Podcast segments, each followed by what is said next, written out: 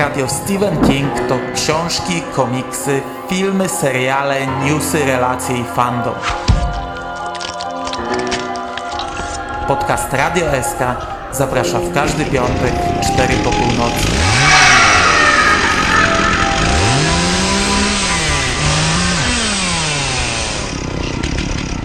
Wiadomości z martwej strefy.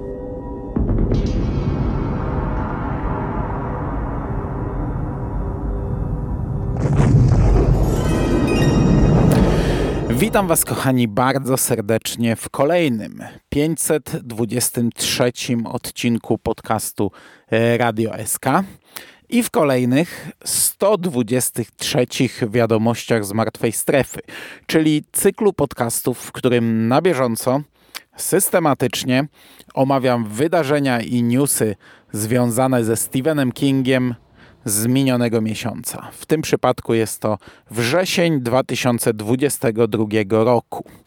I zaczynamy tradycyjnie od e, książek i komiksów, i zaczynamy tradycyjnie od polskiego podwórka. I zaczynamy tradycyjnie od kolejnych wznowień, od zapowiedzi kolejnych wznowień, a takie mamy e, dwie. Otóż e, po pierwsze, a w zasadzie po pierwsze i po drugie, bo tego samego dnia, 26 października, Albatros wypuści dwa kolejne wznowienia i będą to Marzenia i Koszmary, czyli zbiór opowiadań Stephena Kinga, obszerny, gruby zbiór opowiadań z nową, fantastyczną okładką, naprawdę bardzo ładna, bardzo klimatyczna okładka. No i też tak jak to oni mają w zwyczaju, osobna, osobny layout osobny, osobna czcionka, nowa czcionka tytułu, która tutaj też jest bardzo fajnie wykorzystana. Ja w ogóle przyznam się, bo ja nie kupuję tych nowych e, wznowień i nie widziałem ich tak stadnie na żywo i ostatnio gdzieś wpadło mi zdjęcie w internecie, jak googlałem jakieś kolekcje kingowe i kurczę, ta seria wznowień naprawdę bardzo fajnie wygląda na półce. Mm, także w sumie może i bym e, chciał ją nawet mieć, ale tych książek jest już mnóstwo. My, tak jak już mówiłem nieraz, od lat planujemy z Jerrym zabrać się za marzenia i koszmary, przy czym e, tej okładki nie wykorzystam, bo ja już mam grafiki gotowe, które zrobiłem jakoś na początku pandemii i one mi się na tyle podobają, że mm, na pewno wykorzystam je. Natomiast drugim wznowieniem będzie Czarna Bezgwiezdna Noc, czyli też zbiór, ale czterech dłuższych tekstów, w tym przypadku pięciu. Też jest nowa okładka, też bardzo fajna. Wykorzystałem ją na okładkę do podcastu na YouTubie. Widzimy jakąś szarą twarz w okularach, w niej jakieś odbicie słońca. Natomiast z tej głowy unosi się dym i to bardzo fajnie wygląda. Mm, nazwisko Stephena Kinga jest na tym dymie, to jest e, super efekt. Podejrzewam, że na żywo to wygląda jeszcze lepiej. Ja trochę nie pamiętam już tej książki. Nie mam pojęcia, do czego odnosi się ta grafika, jaki ona ma związek z e, którym z tekstów z tego zbioru, ale wygląda to całkiem nieźle. No i co ciekawe, obie książki do tej pory nie były wydane w formie audio, więc ja liczę po cichu, że niebawem to się zmieni. Co prawda, tak jak wielokrotnie mówiłem, ja w zasadzie już audio nie słucham, ale na przykład e, teraz e, za kilka dni z mojego punktu widzenia premiera filmu Telefon pana Harrigana i odświeżyłem sobie ten tekst w audio, bo jakoś w tekście nie mogłem się za to zabrać, wrzucałem sobie na noc, zasypiałem i w niedzielę zarzuciłem sobie audio, przesłuchałem w zasadzie na raz, więc w sumie to był taki miły, fajny powrót. Mam nadzieję, że te książki też ukażą się takiej w takiej formie. Tak jak powiedziałem, marzenia i koszmary mamy w planach od lat. Ja mam dwie grafiki gotowe, bo planowałem to rozbić na dwa nagrania, tak jak to kiedyś w Polsce było wydawane w dwóch tomach. No Czarna Bezgwiezdna Noc ma już swój podcast, ale to jest pierwszy podcast, jaki ja w życiu nagrałem. Nagrywałem go pewnie z 10 razy. Na koniec w tej ostatecznej wersji klepiąc już tekst w zasadzie z pamięci. No i to oczywiście nie jest dobre nagranie. Ja nawet nawet no, chyba nie miałbym odwagi do niego wrócić i go jeszcze raz przesłuchać. Umówmy się, jak będzie okazja, to ja chętnie wrócę kiedyś do tej książki i jeszcze raz ją przeczytam. I jak będzie okazja, to ja w zasadzie chętnie ją kiedyś jeszcze raz nagram. Poprawnie, długo, porządnie i najlepiej z jakimiś rozmówcami. Oczywiście, tak jak powiedziałem, ta czarna bezgwiezdna noc nie ma czterech tekstów, tylko ma ich pięć, bo jest to to dłuższe wydanie e, z bonusowym opowiadaniem, które w oryginale było wydane w paperbacku. W pierwszym wydaniu się nie znalazło. E, no mieliśmy już kilka wznowień z tym opowiadaniem. Początkowo ono było wydane tylko w pakiecie z panem Mercedesem, ale no, co prawda ja potem zdjąłem tę książkę z radaru i, i teraz przygotowując się do tego podcastu sprawdziłem sobie, czy były jakieś wznowienia. No ta książka od tego momentu ukazała się tylko w miękkiej oprawie, bo ta wersja z opowiadaniem była w oprawie zintegrowanej i ona jest z dodatkowym opowiadaniem. No i ukazały się dwa pokety. W tym przypadku nie mam pojęcia. Dwa wydania kieszonkowe.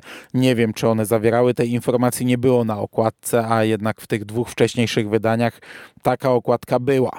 Przypominam, że jest to opowiadanie pod psem, które ukazało się też w zbiorze Bazar Złych Snów, tylko to jest od innego wydawcy. No i automatycznie też w innym tłumaczeniu i też pod innym tytułem.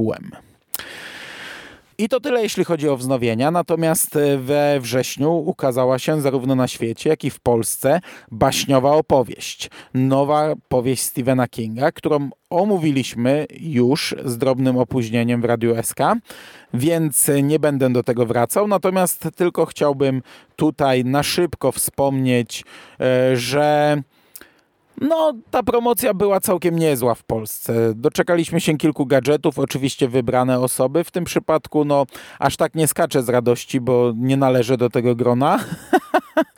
Co prawda dostałem prebuka, więc szczęśliwszy być e, prawie nie mogę.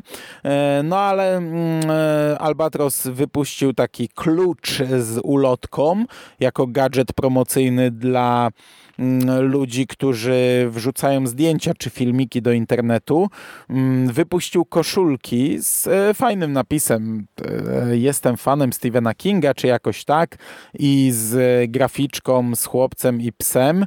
Mm, co prawda te rozmiary, tak jak mówiłem w podcaście o książce, były raczej dla Liliputów, ale no ja też ostatnio schudłem, z przyjemnością bym sobie ponosił. E, no i było też trochę naklejek, tylko te naklejki były używane do paczek, naklejone na paczki. E, z tego co widziałem, dwa rodzaje, chyba jedna okrągła, jedna prostokątna. No bardzo żałuję, że nie mam już takich znajomości w wydawnictwie, bo e, takie rzeczy kiedyś mi przysyłano i ja mam w domu jeszcze sporo naklejek. Mam, mam kilka całych płacht naklejek do pod kopułą. Ostatnio znalazłem nawet zapomniałem, że w ogóle takie coś posiadam. Całkiem pokaźny pliczek naklejek do Sztormu Stulecia, czyli bardzo starej książki już. No szkoda, szkoda, że z tego nie będę miał. Bardzo chciałbym sobie te naklejki załatwić. Bo już koszulka to palicho, to jest taki gadżet, który ponoszę i prędzej czy później, no po iluś tam latach wyrzucę, bo to się znosi. Klucz sobie załatwiłem. Mam nadzieję, że osoba, od której załatwiłem, jeszcze o tym pamięta, bo ma drobne problemy z pamięcią. E, natomiast naklejek nie, no i to bym akurat chciał mieć. E, pojawił się polski trailer tej książki i ja e, w podcaście o książce książce powiedziałem o nim bardzo szybko i powiedziałem, że jest tandetny i, i w zasadzie mi się nie podoba, e, ale bardzo pochwaliłem wydawcę za to, że zrobił i że zrobił coś swojego, bo to już w ogóle e, fantastyczna rzecz. No, mieliśmy też trailer amerykański, ja byłem przekonany, że ten polski będzie po prostu z nałożonymi polskimi napisami albo z polskim lektorem, a dostaliśmy coś zupełnie, zupełnie nowego i ja sobie go jeszcze raz obejrzałem ze dwa dni temu. I on ogólnie jest bardzo dobry. Ja mówiłem, że takie trochę tandetne dźwięki magii, kiczowate. W zasadzie to jest tylko przy tytule. Ten tytuł znika w takich, e, w takich iskierkach magicznych i, i to jest trochę taki efekt jak, kurczę, no nie wiem, z... Yy no taki trochę słabiutki, ale cały trailer jest naprawdę świetny. E, on, to, to, są teksty, które przepływają w, tej, w tym magicznym tle, motylki, które e, latają i zostawiają ze sobą iskry, ale ja wam powiem, że mm, te grafiki, które są wykorzystane w tym trailerze, oczywiście animowane w tym przypadku, one mi się ogólnie bardzo podobają. Mi się podoba, jak e, Albatros podszedł od tej strony, od tej strony wizualnej do promocji tej książki. Bo zazwyczaj to wiecie, mamy taki banerek zrobiony przez jakiegoś grafika z, z tekstami, z okładką książki, e, ewentualnie z czymś jeszcze, a tutaj to są takie fajne, magiczne tła. E, tła z takimi ciemnymi chmurami, jak z jakiejś właśnie trochę straszniejszej krainy i dużo magii, motyw motyle, e, jakieś właśnie rozbłyski i to nie wygląda tandetnie, e, jeśli to jest statyczne. E, no i w trailerze też przez większość czasu nie wygląda tandetnie. To jest naprawdę bardzo fajna wizualnie promocja tej książki. Te wszystkie grafiki mi się szalenie podobają. No i co istotne, reklama tej książki trafiła też na autobusy w Warszawie. I to też jest fajna rzecz. Albatros zrobił fajny konkurs, żeby ludzie wklejali zdjęcia tych autobusów, co poskutkowało tym, że ludzie ganiali za autobusami, bo te no, zatrzymują się tylko na chwilę, a jeśli nas mijają, no to zdjęć się nie tak łatwo zrobić. Was bardzo przepraszam, bo deszcz się rozpadał, a ja siedzę w samochodzie. Jeśli to słychać, no to wiecie, e, u mnie często takie dźwięki z tła. No i to jest w zasadzie tyle, jeśli chodzi o polską promocję mm, tej książki. Natomiast baśniowa opowieść została również wydana premierowo w audiobooku. Czyta Maciej Kowalik. Audiobook trwa 22 godziny i 11 minut. I ja go nie słuchałem, ale przesłuchałem fragment, który jest dostępny na YouTubie, darmowy fragment i też w sklepach z audiobookami. I to jest chyba pierwszy kingowy audiobook e, z przerywnikami dźwiękowymi. Wiecie, nie mówię o słuchowisku, takim jakie było lśnienie, mówię o zwykłym audiobooku, który czyta lektor. E, no i tutaj mamy muzykę na początkach i chyba też na końcach rozdziałów. Słuchałem tylko początek, więc nie wiem, może to jest tylko we wstępie, może to już później zanika i więcej się nie pojawia, ale to jest bardzo fajna rzecz. Jeden z pierwszych audiobooków Harlana Cobena, jaki słuchałem, miał przerywniki przerywniki muzyczne i to było naście lat temu i, i on utkwił mi w pamięci do teraz. To jest naprawdę e, fajna rzecz, szkoda, że tak rzadko wykorzystywana. I to by było na tyle, jeśli chodzi o wznowienia i te duże premiery. Natomiast e, w październiku czeka nas jeszcze jedna bardzo fajna premiera, z punktu kingowego trochę mniejsza. E, po pięciu latach od premiery amerykańskiej a po dobrych dwóch, trzech latach od e, nie tyle co pojawienia się zapowiedzi, bo ta zapowiedź pojawiła się kilka dni temu w wydawnictwie Zyski Spółka, ale mm, autor, kreślę cudzysłów, redaktor książki e, zapowiedział ją już bardzo dawno, zapowiedział, że będzie polskie wydanie. Pamiętam, że jak jechaliśmy na którąś majówkę, a to było ze trzy majówki temu, to po drodze ta zapowiedź się pojawiła. Otóż na rynku polskim pojawi się książka Lśnienie w ciemności. I to jest zbiór opowiadań mm, takich twórców jak Stephen King, Jack Ketchum, Clive Barker, Edgar Allan Poe, e, Ramsey Campbell, Stuart Onan, który napisał przecież książkę o baseballu i jedno opowiadanie ze Stephenem Kingiem, Richard Chismar, który napisał dwie książki ze Stephenem Kingiem i jedną samodzielnie e, rozgrywającą się w uniwersum Kinga, Bev Vincent, który z Kingiem e, no, współpracuje od dawna przy wielu e, różnych rzeczach. O jednej książce zresztą dzisiaj powiem jeszcze dwa zdania, ale również razem z Kingiem redagował też antologię 17 podniebnych koszmarów. E, Kevin Quigley, który mm, w Stanach wydaje chapbooki co jakiś czas, takie malutkie książeczki o Stephenie Kingu. E, nawet e, teraz jak zacząłem go googlować, bo ja od dawna, mm, on mi zszedł z planszy, zszedł z radaru i ja nie wiedziałem co on robi. Zacząłem go googlować, zobaczyłem, że e-booki tych jego chapbooków to są w zasadzie za grosze, to już od razu mi się pomysł urodził na kolejny double feature. E, w Radiu SK. E, no i Kevin Quigley to jest taki koleś, który robił kiedyś blog o Stephenie Kingu i ten blog dalej istnieje, przy czym on już chyba chyba już za bardzo nie jest aktualizowany.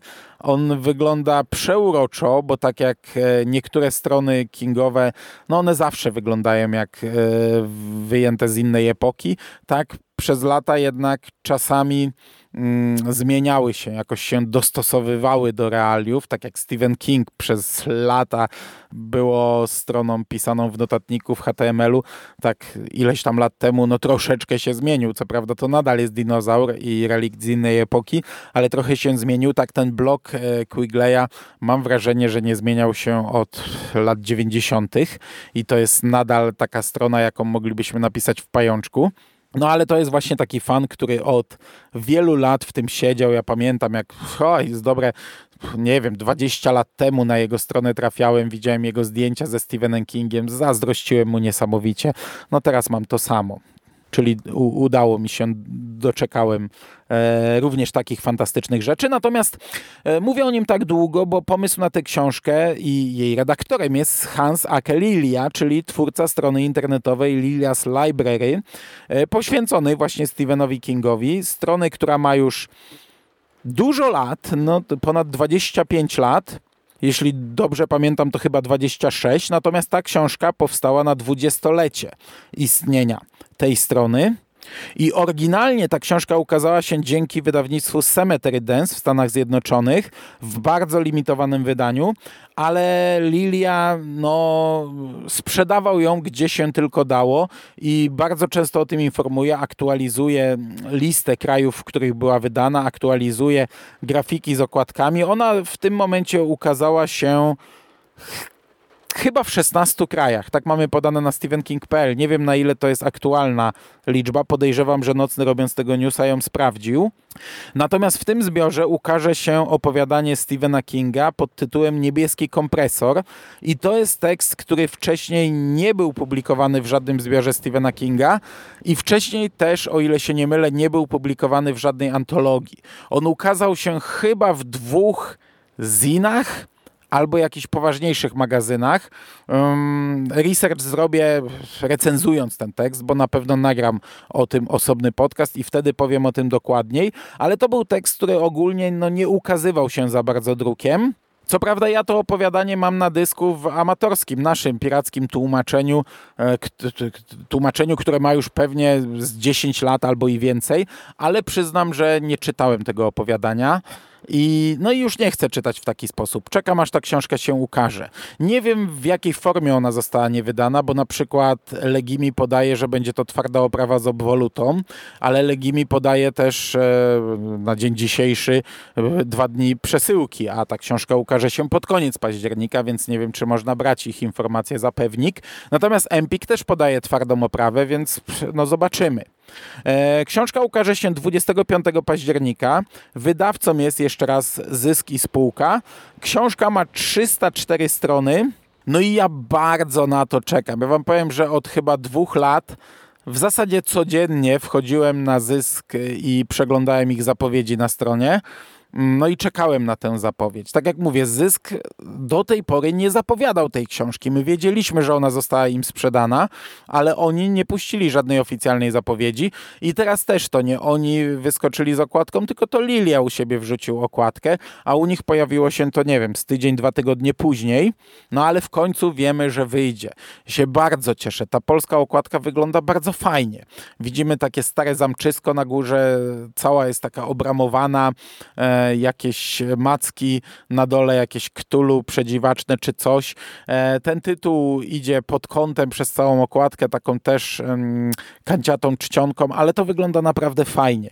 I, no i ja zrobię na pewno z tego podcast. To nie będzie długi podcast, no umówmy się, pogadamy chwilę o, o tym, jak wygląda książka i skupimy się tylko na opowiadaniu Kinga, jak to robimy zwykle. No ale on pewnie nie ukaże się już w październiku. To pewnie przeskoczy na listopad, bo, no bo na październik w zasadzie plan już mam gotowy. Natomiast jeśli chodzi o długie oczekiwanie na kolejne książki, to we Francji dopiero teraz ukazał się Billy Summers. Ja nie wiem, czemu u nich wychodzi to z takim opóźnieniem, no ale wychodzi. E, z ponadrocznym opóźnieniem ukazała się ta książka i co ciekawe, King wystąpił jako gość we francuskiej telewizji w La Grande Librairie powitał się tam po francusku, przy czym on oczywiście streamował od siebie z domu, z pokoju. Z pokoju, który już widzieliśmy chyba wcześniej i chyba nawet podczas amerykańskiej premiery Billiego Summersa. I co jest wyjątkowe w tej sytuacji, wyjątkowo dziwne. Podczas premiery baśniowej opowieści, która była przecież no, mm, miesiąc temu, King nie uczestniczył w takiej promocji i to jest chyba pierwszy raz, odkąd ja pamiętam. Wiecie, ja nie mówię tutaj o dużej trasie promocyjnej, bo takie zdarzały się rzadko. Taka była przy Śpiących Królewnach przykładowo. Eee, ja mówię o występach w programach programach śniadaniowych i kolacyjnych w amerykańskiej telewizji. To było zawsze, odkąd pamiętam. No kiedyś może nie było, ale od wielu, wielu lat, od kilkunastu lat to jest w zasadzie przy każdej książce. Lockdown trochę to zmienił. Wtedy odbywały się spotkania zdalnie, ale odbywały się.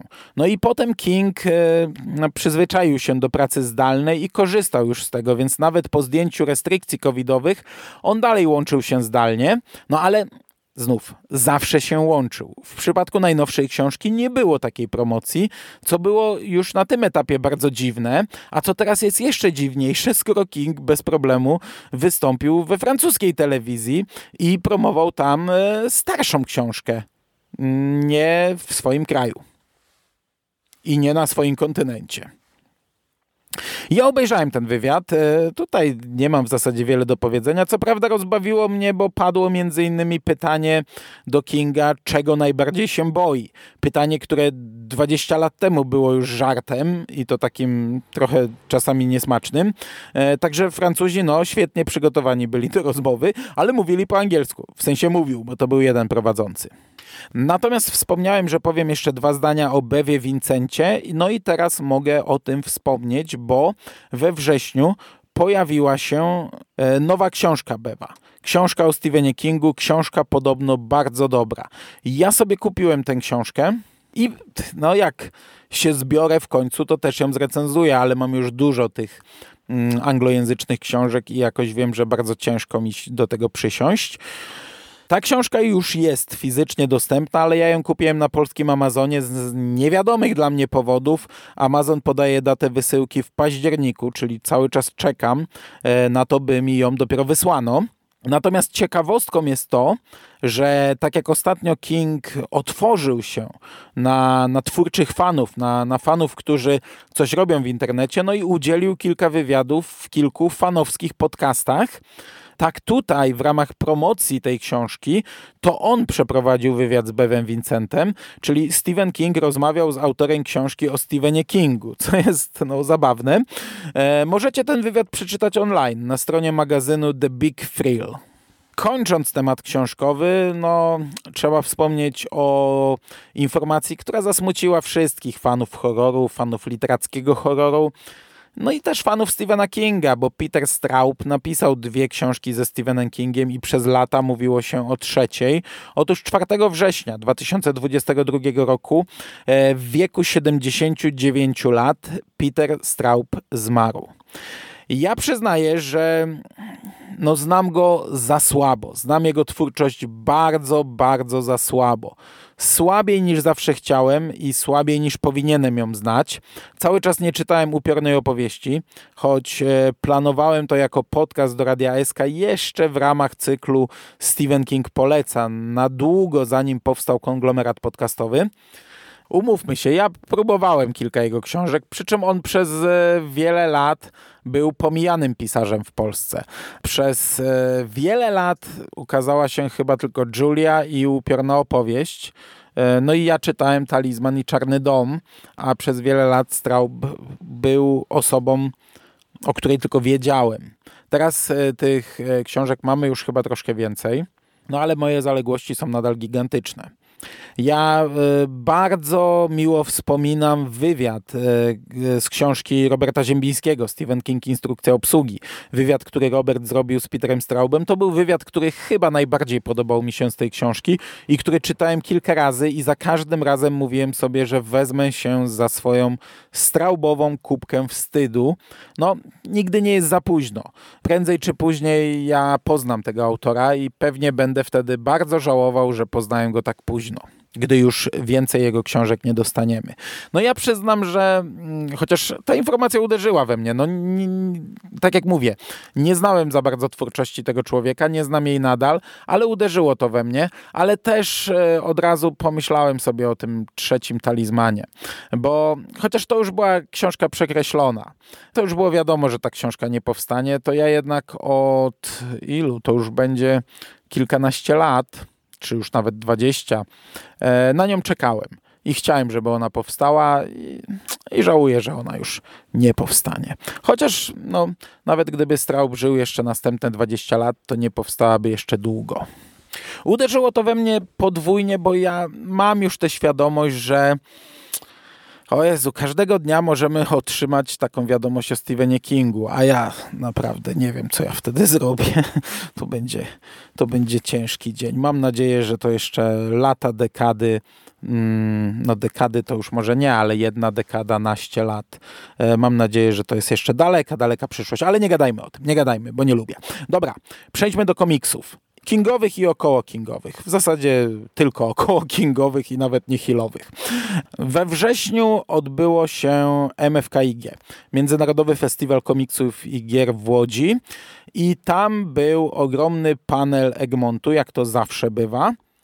I tam, pomimo kryzysu, pomimo kryzysu papieru i wszystkiego, co nas dotyka przez ostatnie miesiące, dostaliśmy jak zwykle tonę, morze zapowiedzi, fale, tsunami komiksów nadchodzących, wśród których znalazły się też tytuły około kingowe.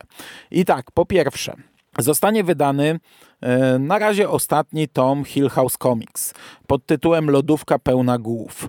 To jest sequel pierwszego komiksu, który rozpoczął ten cykl, czyli Kosz pełen głów, za którego scenariusz odpowiadał Joe Hill. Czyli to jest e, sequel komiksu mm, Joe'ego Hilla, syna Stephena Kinga. E, sytuacja, której jeszcze nie mieliśmy. I ja wam powiem, że ja już czytałem ten komiks i myśmy latem z Szymasem nagrali podcast o nim, ale on leży sobie no, w lodówce i czeka na swoją publikację. E, mogę wam zaspoilerować, że my się naprawdę bardzo dobrze bawiliśmy na tym komiksie. Ja się ubawiłem jak prosie. To jest e, fantastyczna zabawa, jeśli e, do niego podejdziecie w taki sposób. W tej chwili w polskim internecie jest chyba tylko jedna recenzja tego komiksu na blogu DC Maniac. Ja przynajmniej nie trafiłem na inne i ona jest raczej krytyczna, raczej negatywna. Przy czym e, ja o tym powiem również w tym podcaście, w sensie już powiedziałem. Ja się ogólnie zgadzam z wszystkim, co ten e, autor napisał, z jego argumentami, ale moja ocena jest e, no, po drugiej stronie barykady, na przeciwnym biegunie. Ja uważam, że to jest fantastyczny komiks i on bardzo dobrze uzupełnia Hill House Comics, bo to jest kolejne podejście do horroru, którego w tym cyklu jeszcze nie było.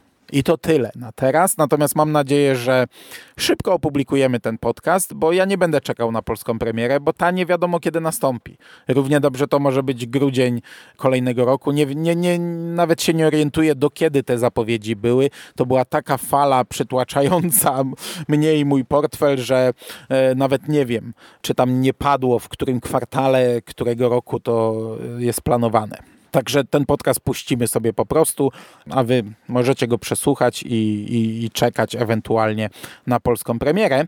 Natomiast e, druga zapowiedź, która Przyznam, że mnie, to, czy, tak naprawdę obie te zapowiedzi mnie zaskoczyły, chociaż ja na nie jeszcze niedawno bardzo czekałem. Jak e, na początku roku Egmont e, wypuścił katalog, to ja pamiętam, byłem bardzo zawiedziony, że tam nie znalazły się dwa komiksy. Właśnie Lodówka pełna głów i Amerykański wampir, przy czym wtedy było jeszcze na to za wcześnie, ale mimo wszystko ja liczyłem, że, że gdzieś tam coś zostanie powiedziane. No a potem ja sobie zdjąłem je z celownika. Zapomniałem o tych komiksach. Tak jak mówię, na Hill House Comics już nie czekałem. Namówiłem Szymasa, żebyśmy przeczytali to po angielsku. Przeczytaliśmy, nagraliśmy. Zakładałem, że to już się w Polsce nie ukaże. A o amerykańskim wampirze całkowicie zapomniałem, no bo to jest już temat z brodą. No, ten komiks dawno przestał być wydawany w Polsce, zresztą w Stanach też. A po latach e, wrócono do niego, ukazał się jeszcze jeden tom i przyznam, że byłem zaskoczony tym, że ten tom ukaże się w Polsce bo podejrzewam, że wcześniejsze są już raczej niedostępne, ale to też bardzo często ten komiks był antologią. Tam e, wydarzenia przepływały, przechodziły w kolejne, ale to nie było tak, że e, jeden tom się kończył cliffhangerem, drugi zaczynał gdzieś tam dalej. To były różne epoki pokazujące historię wampirów. Podejrzewam, że ten nowy tom, jako że w Stanach też on był wydany po latach, podejrzewam, że on jest samodzielny, oderwany. Nie wiem tego, ale tak podejrzewam.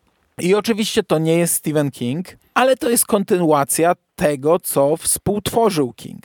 No tu nie mówimy o sequelu, bo to od początku było zaplanowane na ongoing. King był gościem. King napisał połowę pierwszego tomu i od początku było wiadomo, że nie będzie pisał więcej, a komiks będzie kontynuowany. I co mnie wyjątkowo cieszy, bo amerykański wampir często miał bardzo grube te tomy. I mówimy tutaj o czasach, gdy on był wydawany, te kilka lat temu, kiedy takie grube komiksy się raczej nie ukazywały.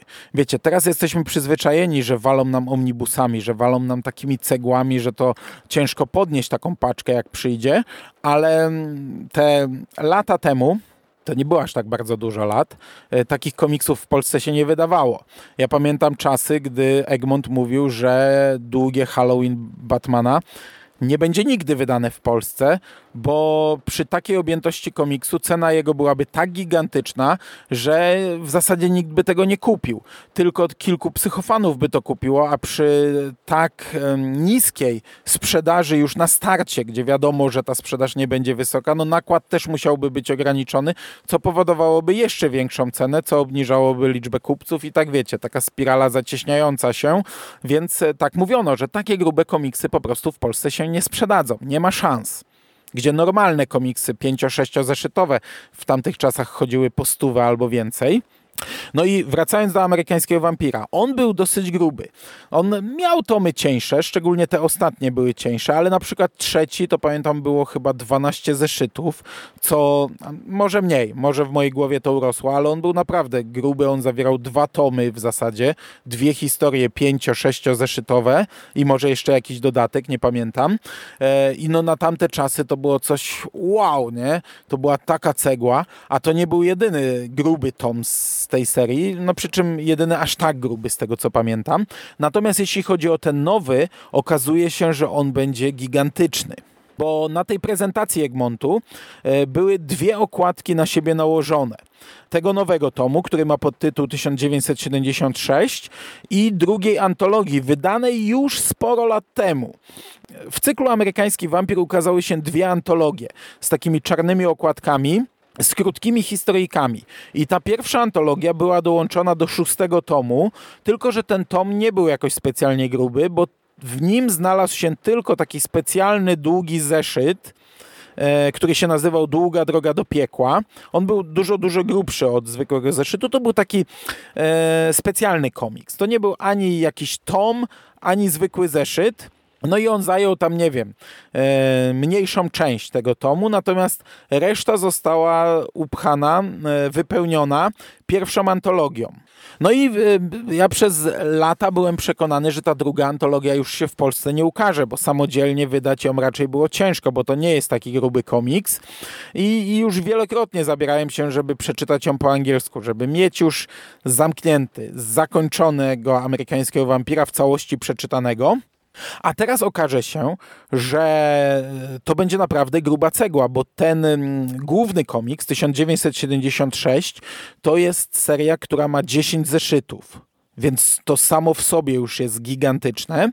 Natomiast e, zostanie do tego dołączona druga antologia, która ma z kolei 10 krótkich historii e, składających się na 80 stron. To jest 80-stronnicowy komiks, więc dostaniemy 10 zeszytów, co daje już ile? 200-300 stron, plus jeszcze te 80 to będzie konkretna cegła i ja się nie mogę doczekać. I nie wiem, czy sobie całego amerykańskiego wampira nie odświeżę przed tym, bo na pewno nagram o tym podcast, bo o każdym amerykańskim wampirze nagrywałem podcast. Te podcasty też się zmieniały, zarówno w formie, jak i e, no, w rynku wydawniczym, bo, bo ten komiks po dwóch tomach pierwotnie został skasowany i wrócił dopiero w lepszych czasach. Przy czym tutaj nie ma póki co żadnych konkretnych dat. Tak jak lodówka pełna głów, taki amerykański wampir na chwilę obecną nie wiemy, kiedy się ukaże, ale grunt, że się ukaże. Ja mogę poczekać. Natomiast e, ostatni komiks około Kingowy to jest komiksowe Creepshow, które my już omówiliśmy tydzień temu, pierwszy zeszyt. I ja zapowiedziałem, że będę nagrywał te podcasty, chcę nagrywać z chłopakami ale planuję je wrzucać bonusowo raz w miesiącu. Przy czym, żeby, żeby było jasne, bo ja to tak zapowiedziałem, że to będą bonusy, ale pamiętajcie, że no, z mojego punktu widzenia dzisiaj, bo jest poniedziałek, zaczął się u mnie trudny okres w pracy, który potrwa aż do kwietnia. Ja mam na chwilę obecną duże zaplecze, ale mogą przyjść takie czasy, że ja nie będę mógł nagrywać. Ja już w zasadzie prawie nie nagrywam do konglomeratu, poza specjalnymi okazjami e, albo specjalnymi tytułami. Ale już nie nagrywam tak jak kiedyś, że w zasadzie wszystko, co obejrzałem, wszystko, co przeczytałem, to zostało nagrane. Mogą przyjść takie czasy, że ja i Radia SK nie będę mógł nagrać, więc e, wtedy bardzo możliwe, że e, taki zeszyt Creep Show również ukaże się jako regularny podcast. Mam nadzieję, że, że nie, że nie dojdzie do, do takiej sytuacji, ale uprzedzam, że może. I to by było na tyle, jeśli chodzi o blok książkowy. Za bardzo się rozgadałem dzisiaj, e, także e, trzeba się streszczać. Filmy i seriale. Pojawił się zwiastun filmu Telefon pana Harrigana. Wysłuchacie tego no, przynajmniej w piątek albo później, więc wszyscy jesteśmy pewnie już po seansie. Natomiast na chwilę obecną, no ja widziałem tylko trailer i on jest zaskakująco dobry. Co prawda ja nadal nie wiem po tym trailerze, w którą stronę pójdą twórcy. Czy zrobią bardziej e, dramat obyczaj, czy pójdą bardziej w horror, bo tę historię można rozwinąć w każdym z tych kierunków i można z tego zrobić straszak, horror i skupić się bardziej na tym elemencie, który w książce jest zasugerowany i wcale nie jest pewny ale elemencie nadprzyrodzonym. No zobaczymy. Na chwilę obecną po trailerze nie jestem w stanie tego wyczytać.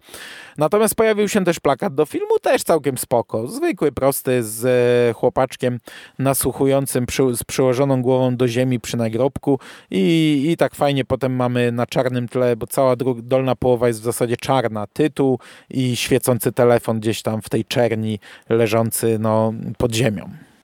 Ja tego podcastu nie nagrałem na ten piątek, no bo film leciał w środę.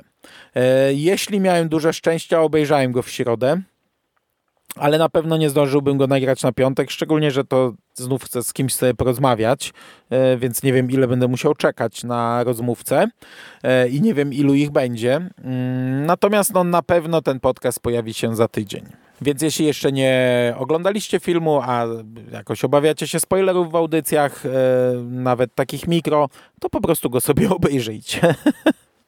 Kolejny news filmowy. Po kilku dniach od premiery nowej książki Stephena Kinga, czyli baśniowej opowieści, e, już dostaliśmy konkrety na temat jej ewentualnej ekranizacji. Przy czym konkrety, o jakich można mówić na tym etapie.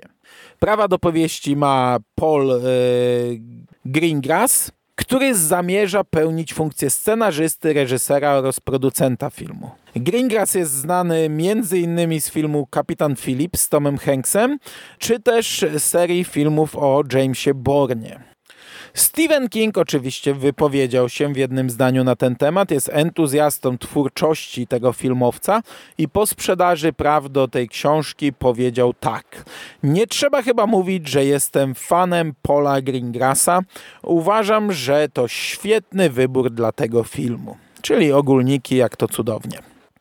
Gringas natomiast bardzo ciepło ocenił zarówno Kinga, jak i jego książkę, baśniowa opowieść. Powiedział, że jest to dzieło geniusza. To klasyczna przygodowa opowieść, ale jednocześnie niepokojąca alegoria współczesności. I to na razie tyle. Czy ten temat się rozwinie, czy będą to te same nazwiska, czy inne, czy na tym samym stołku, który jest planowany, czas pokaże. Natomiast ja wam powiem, że we wrześniu prawie obejrzałem dokument, o którym kilka razy przez ostatni rok wspominałem, jak to bardzo bym chciał go obejrzeć. E, francuski dokument o reżyserach e, kingowych ekranizacji pod tytułem King on Screen. Udało mi się trafić na prywatny pokaz tego filmu. Jednego dnia odbyły się dwa pokazy, znaczy miały się odbyć, bo niestety one nie zostały zakończone z powodów takich, że odbywały się na YouTubie i YouTube w pewnym momencie zblokował te transmisje, bo algorytmy YouTube'a wychwyciły fragmenty filmów wykorzystane w tym filmie. A jako, że twórcy kompletnie tego nie ogarniali od początku i ten film miał już gigantyczną obsuwę, a w trakcie to załamali ręce i powiedzieli nie wiemy co robić dalej, to ja obejrzałem tylko połowę tego filmu, przy czym ona bardzo mi się podobała. Ja już miałem gotowe grafiki do podcastu, już trzaskałem notatki i, i byłem przekonany, że za chwilę pojawi się recenzja w Radiu SK, no ona się nie pojawi. Ja wiem, że Łukasz Skóra nagrałby po tej połowie, bo ja już mam swoje do powiedzenia, ale, ale ja nie nagram. E, twórcy zapowiedzieli, że będą starać się e, zrobić jeszcze raz pokaz w jakimś innym miejscu, no i ja sobie po prostu spróbuję na to poczekać. Mam nadzieję, że to będzie szybko, bo naprawdę dobrze się na tym bawiłem. To zapowiada się naprawdę dobrze zrobiony film. Natomiast na koniec bloku filmowego powiem coś, co mnie zasmuciło. Bardzo czekałem na 1 października, bo wiedziałem, że wtedy zacznie się fala zapowiedzi horrorowych. I wtedy zacznie się nasz miesiąc. Yy, I najbardziej, nie ukrywam, czekałem na zapowiedzi Shadera chyba dwa razy w podcastach, no może w jednym, który leciał, a w innym, który nie leciał, nie pamiętam, e, ale bardzo często ostatnio w nagraniach mówiłem o tym, że za chwilę wyskoczymy z kapci, bo Shader zarzuci nas zapowiedziami na październik. No i oczywiście 1 października pojawiła się cała lista tytułów, jakie pokażą, jakie będziemy można obejrzeć e, w Shaderze e, w październiku. I ja zakładałem, od dawna zakładałem, że czwarty sezon Creepshow to jest, to jest formalność, to jest pewne, że ten sezon e, pojawi się w październiku, a tutaj niestety niemiła niespodzianka. E, ten sezon nie jest w planach. Nie ma go na rozpisce, nie ma go na liście, więc on no, najprawdopodobniej nie będzie miał teraz premiery, czego nie rozumiem, bo czwarty sezon zapowiedziany był już dawno, w sensie dostał zielone światło.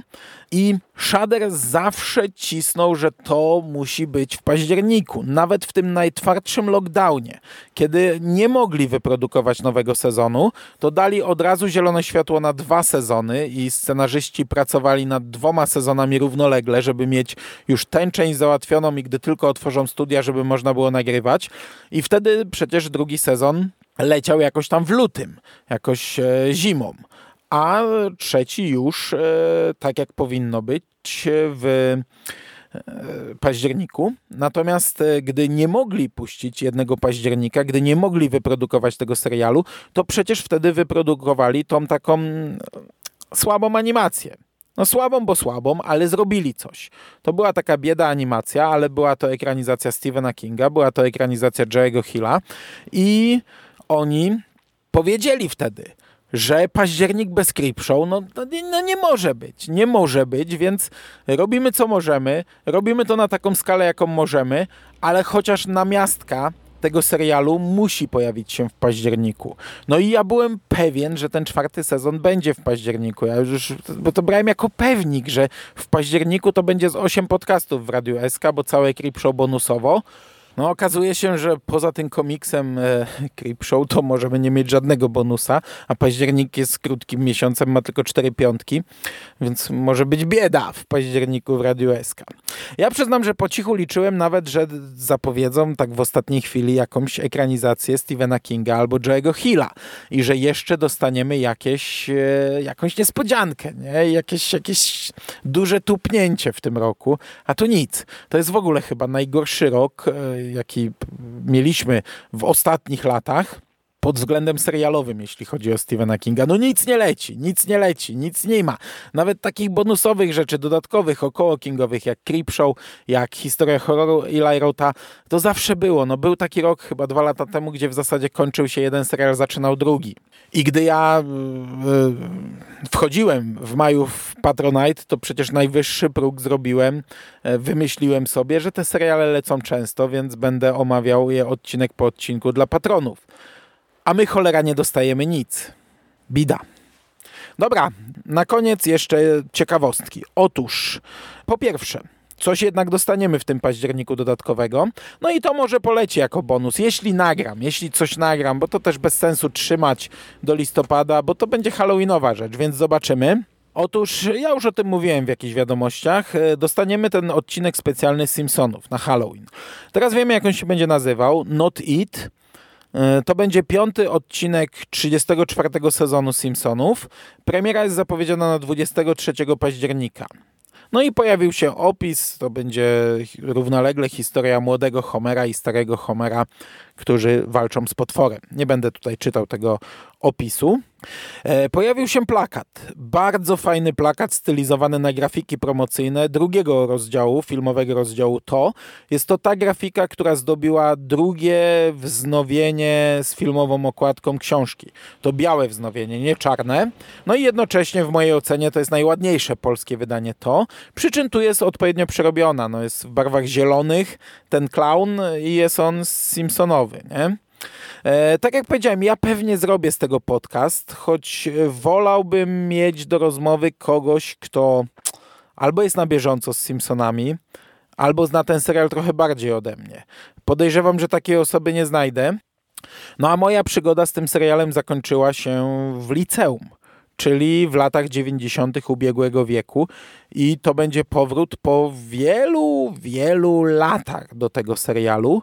Ja oczywiście mogę ten podcast rozbudować, mogę w nim e, zrobić dłuższy wstęp o nawiązaniach kingowych, jakie były w Simpsonach, chociaż tutaj też zatrzymałem się bardzo dawno temu. Musiałbym trochę pogooglować i zobaczyć, co tam takiego ukazało się przez ostatnie kilkanaście czy, czy nawet kilkadziesiąt lat, ale jest to do zrobienia. Na to poczekamy. Myślę, że już niedługo coś e, o tym nagram, mam nadzieję. 21 września 2022 roku Stephen King skończył 75 lat. O czym nagrałem podcast? W sensie nie o tym, że on skończy 75 lat, ale nagrałem taki specjalny podkaścik na urodziny, w którym zrecenzowałem e, nowy numer Nowej Fantastyki. No i właśnie tutaj warto wspomnieć, że ukazał się częściowo kingowy numer Nowej Fantastyki. Nie będę o tym mówił więcej, bo już mówiłem. W Stanach ukazał się specjalny numer magazynu Entertainment Weekly, The Ultimate Guide to Stephen King.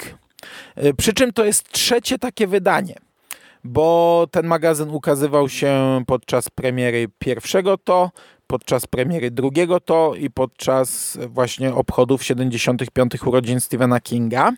E, magazyn o tym samym tytule z inną okładką, no i podejrzewam, że z trochę inną treścią. Ja powiem wam, że przeglądałem, jeszcze nie czytałem, ale przeglądałem to środkowe wydanie i to jest ogólnie fajna rzecz. Nie wiem, czemu ja tego nie kupowałem na bieżąco, bo to jest 100 stron o Kingu. Tam jest dużo bardzo dużych zdjęć, dużo bardzo dużych grafik, całkiem fajny grafik, e, no trochę mniej tekstu. Tego tekstu tam nie ma dużo. Przy czym ja nie wiem na ile e, kolejne wydania tego wchłaniają poprzednie. Nie wiem e, na ile z tych wcześniejszych wydań jest w tych obecnych, aktualnych wydaniach. Ile tutaj jest nowego, a ile starego. Czy tu jest wszystko nowe, czy, czy, czy raczej prawie nic nowego. Nie mam pojęcia. Musiałbym dorwać te magazyny wszystkie i je porównać. Może kiedyś to zrobię. Może rozwinę mój cykl e, podcastów Prasówka, który doczekał się na razie e, pierwszej części. Zobaczymy. Natomiast to by było na dzisiaj wszystko.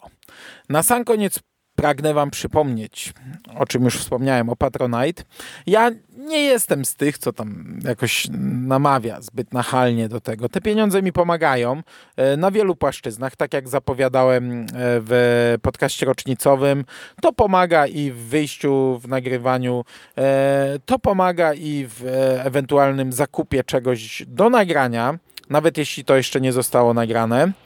Co prawda Patronite e, tak dziwnie wypłaca te pieniądze, w sensie e, niektóre wpłaty można e, ręcznie, nawet, nawet trzeba, e, albo można ręcznie sobie wypłacić, ale niektóre one mm, przychodzą na bieżąco. I, I w zasadzie ja sobie myślałem, że te pieniądze będą mogły tam leżeć, i ja nimi będę dysponował w momencie, gdy będzie to potrzebne, ale nie, one spływają.